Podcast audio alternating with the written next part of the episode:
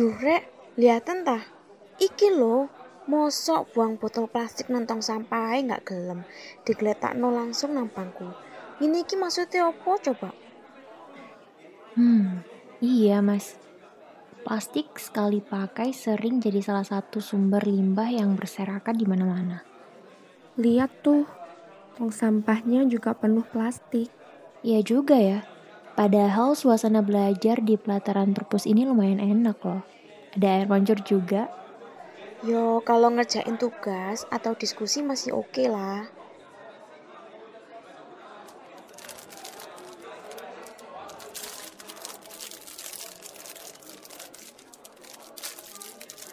Eh, mau nggak? Ini aku bawa snack. Nah, plastik mana kan? Saiki semua sebab plastik yo.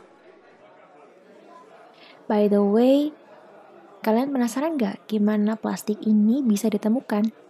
Siapa sangka, benda yang dulunya sangat dielulukan ini sekarang jadi salah satu sumber limbah yang paling diwaspadai. Emangnya gimana, Mel? Oke, tapi sebelum ke sejarahnya, kalian tahu kan plastik itu apa? Kata plastik berasal dari bahasa Yunani, plastikos, yang berarti bisa dibentuk atau dicetak. Dalam bahasa Inggris sendiri, kata plastik bisa menjadi kata benda dan kata sifat. Nah, kalau kita sifatnya berarti yang mudah dibentuk, dalam pengertian yang lebih luas, plastik adalah senyawa organik sintetik atau semi sintetik yang mudah dibentuk, sehingga dapat dicetak menjadi benda padat. Secara kimia, plastik merupakan polimer, yaitu rantai panjang berulang dari atom yang mengikat satu sama lain. Sebenarnya, gak ada pembeda yang benar-benar jelas untuk kategori yang disebut plastik ini. Karena dari kacamata kimia, polimer membentuk banyak sekali benda yang kita gunakan sehari-hari, kayak jumper berbulu, cornflake, lemari kayu, bahkan DNA kita juga. Tapi, ilmuwan selalu punya ide. Plastik dapat dikategorikan dengan banyak cara, tapi paling umum dengan melihat bagian belakang polimernya, yaitu vinil klorida, polietilen, akrilik, silikon, uretan, dan masih banyak lagi. Well, you guys are indeed smart AF. Jadi gimana Mel ceritanya? Oh iya, sampai lupa mau cerita. Jadi penggunaan polimer alam yang paling awal itu sekitar 1600 sebelum masehi. Pada waktu itu, orang-orang Mesoamerika menggunakan karet alami buat jadi bola, pengikat, dan patung. Pengetahuan manusia terus berkembang nih, sampai pada abad 19, tepatnya tahun 1856, Alexander Parkes menemukan material yang bernama parkesin yang dianggap sebagai plastik olahan pertama. Nah, parkesin ini nih kemudian dipublikasikan pada The Great International Exhibition di London pada tahun 1862. Parkesin terbuat dari selulosa yang diolah dengan asam nitrat, kemudian menghasilkan senyawa yang bisa dilarutkan dalam alkohol dan dapat mengeras menjadi material transparan dan elastis yang bisa dibentuk ketika dipanaskan. Setelah penemuan ini, ilmuwan-ilmuwan lain juga mulai mengembangkan plastik nih. Sayangnya, parkesin tidak memiliki nilai bisnis yang cukup untuk dapat diproduksi dengan skala yang lebih besar. Barulah pada tahun 1907, Leo Baekeland berhasil menemukan plastik sintetis sepenuhnya bernama bakelit yang dibuat dari fenol dan formaldehid. Penemuan ini merupakan awal dari industri plastik modern. Kemudian pada tahun 1920, polimer ditemukan oleh Hermann Staudinger. Staudinger mampu menjelaskan konsep polimer sehingga menambah pengetahuan manusia dari sisi kimiawinya. Setelah Perang Dunia I, sintesis polietilen yang dapat diaplikasikan ke industri ditemukan pada tahun 1933 di Inggris oleh Eric Fawcett dan Reginald Gibson. Perkembangan teknologi plastik kian pesat hingga melakukan produksi massal pada awal 1940-an dan 1950-an lah. Penemuan polietilen tereftalat atau PET nih di UK pada tahun 1941 adalah salah satu penemuan yang menggantikan penggunaan kemasan kaca di berbagai produk yang menyebabkan penggunaan botol plastik besar-besaran di Eropa lalu menyebar ke berbagai dunia. Oh ngono. Awalnya pasti nggak bakal enek sing nyangka lek plastik bakal jadi masalah kayak saiki kan?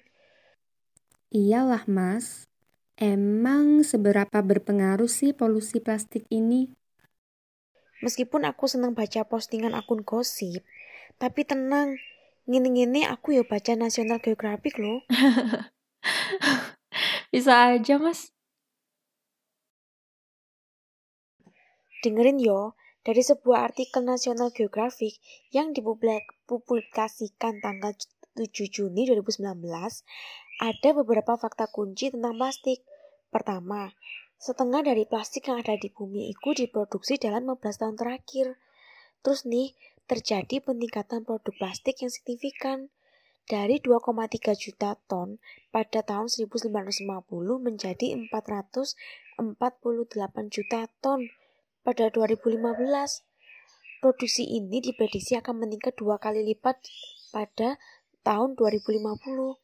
Selain itu, setiap tahunnya sekitar 8 juta ton limbah plastik terbuang ke laut. Jumlah ini setara dengan meletakkan 5 tong penuh sampah pada setiap 30 cm garis pantai di seluruh dunia. Ada satu fakta mana nih?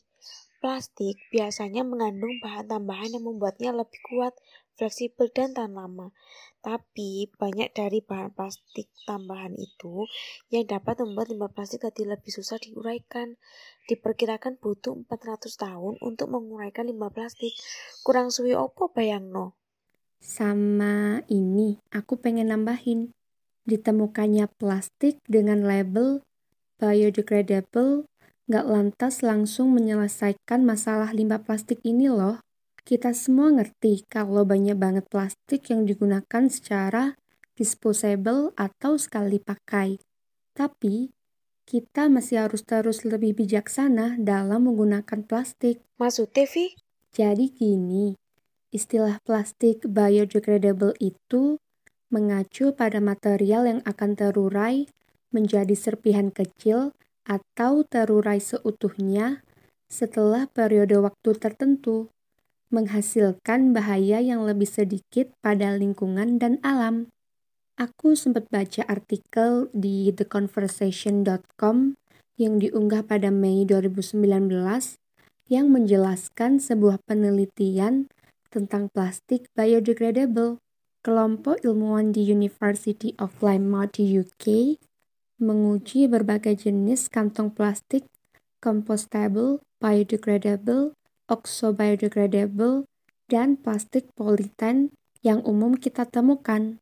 Mereka menguburkannya di dalam tanah, meletakkannya di ruang terbuka yang terkena sinar matahari, dan terendam di air laut. Nah, hasilnya ini nih, plastik-plastik itu masih bertahan dan bahkan tanpa kerusakan yang berarti. Beberapa dari plastik itu masih bisa membawa sekantung penuh belanjaan sebagaimana sebelum dibuang. Aku ngerasa ini penting banget ya buat kita buat lebih aware tentang lingkungan. Dengan adanya label tertentu, nggak otomatis kita bisa terus-terusan konsumtif dalam menggunakan kantong plastik ini. Aku bisa ngerti sih, karena plastik emang material yang sangat kompleks. Plastik terbuat dari molekul yang sangat panjang disebut polimer, yang mana bisa terdiri dari ribuan atom yang berikatan satu sama lain dalam satu rantai. Ukuran molekulnya yang sangat besar membuat plastik punya sifat khasnya, yaitu solid, kuat, dan fleksibel. Banyak plastik yang kita gunakan setiap hari enggan bereaksi dengan bahan kimia lainnya, dan inilah kenapa plastik tersebut sangat tahan lama. Tapi daya tahan yang lama ini juga jadi alasan kenapa plastik bisa jadi masalah serius saat masuk ke tempat yang tidak seharusnya. Misalnya laut. Iya sih, sesimpel bawa tas belanja dewe-dewe, wis iso mengurangi sampah plastik kita sehari-hari. Aku yakin sih, kalau banyak dari kita yang sudah tahu kebiasaan sederhana buat mengurangi sampah plastik. Ya, kayak yang Imas bilang tadi, bawa tas belanjaan sendiri atau bawa tumbler, gak pakai alat makan sekali pakai, dan masih banyak lagi. Masalahnya ada di kemauan dalam diri kita. Mau nggak memulai kebiasaan baru itu? Iya benar, Vi. Aku juga harus belajar banyak sih, Mas Ihan. Iya bener, aku juga. Um, by the way, kita kan mau ngerjain tugas gak sih? Yang dari tadi ngobrol mulu. Ah, iya juga ya, sampai lupa. Hahaha, laptopnya belum dibuka, Rek. Ya udah, ayo buruan keluarin catatan sama laptopnya.